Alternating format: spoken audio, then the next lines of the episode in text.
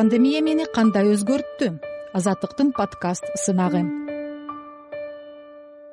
Адамзаттын ар бир күнүн белгилеп тактап чакылдаган минуттар секунддар менен изденип жашап келебиз. Жаратканыбыз кандай гана сыноолорду бербесин жашап чыдап кеткен пенделербиз. Адамдын учуктаса түшүнө кирбеген илдетке дагы жолуктук. Бул да тагдырдын бир сыноосудур ар бир сыноону өз сабыр менен кабыл алсак бул илдетти дагы жеңе алабыз ар бир кыйынчылыктан ар бир инсан өзүнө өзү сабак ала алат. Ошол инсандын катарында мен дагы бармын. Эң башкысы мен үчүн убакыт алтындан да кымбат болду. Жашоом башка нукка бурулду. Убакытты туура пайдаланганды үйрөндүм. Буга чейин көп маани бербеген нерселерге көңүл бурганга аракет жасай баштадым. Колдо бар алтын баркы жок дейт го. Ошол сыңары текчемде чаң басып жаткан байкуш китептерим колума тийди китеп мага ааламдагы жакшы нерселерди көргөздү. Китеп окуган инсан ар дайым баардык жерден жакшы нерсени таап көрсөтө алат.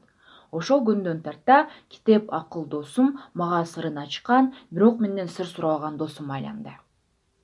Жашоомдо болуп өткөн жана боло турган жагдайларды жакшылап өз таразыман өткөргөнгө жасалбай калган планга коюлган ар бир кыялданууларымды таштак жолдо калтырбастан аларды иш жүзүнө ашырууга бел байладым ошол шартты пайдалануу менен кыялдарым реалдуулукка айлана баштады.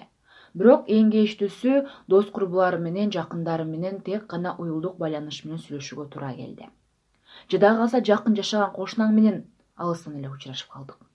Бүт тармак онлайн режимине өттү. Баардык адамдар бет капчан жүрүп калышты. Бул да жашообуздагы бир сүртүмдөр. Пандемия учурунда үй бүлөң менен көп убакыт өткөзгөнгө шарт түзүлдү чет мамлекетте иштеп жүргөн жарандарыбыз өз мекенине кайтып келе башташты. Сагынычтарын таркатышып ата эне балдары менен бирге болушту. Бирок мамлекетибиз өз жарандарын жоготууда. Бул дагы жан кийди турган жагдай. Коркуу сезими менен жашаган жашоо мен үчүн жашоо эмес. Бирок баары жакшы болот деген үмүт менен жашап келебиз. Үмүт бул да жашоонун бир шам чырагы жашоодо чырак болууга үйрөндүм. Чырак болушума мен окуп жаткан ички иштер министрлигинин академиясы түрткү болду биз курсанттык жашоого бел байлагандан баштап өзүбүзгө тең ар кандай кырдаалдарды оң көз караш менен кароого үйрөткөн ушул окуу жай.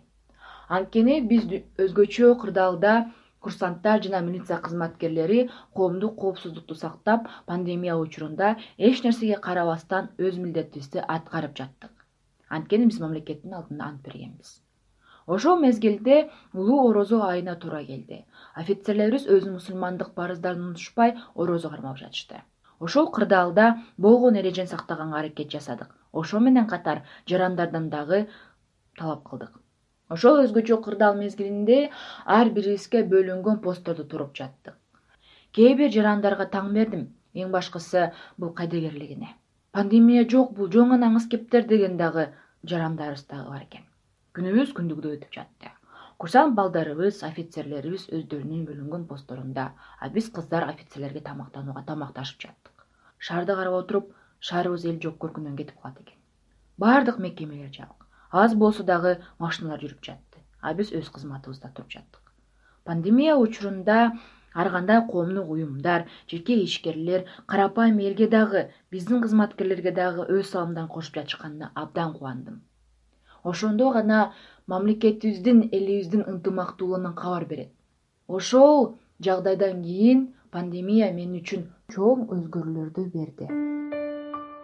Пандемия мени кандай өзгөрттү? Азаттыктын подкаст сынагы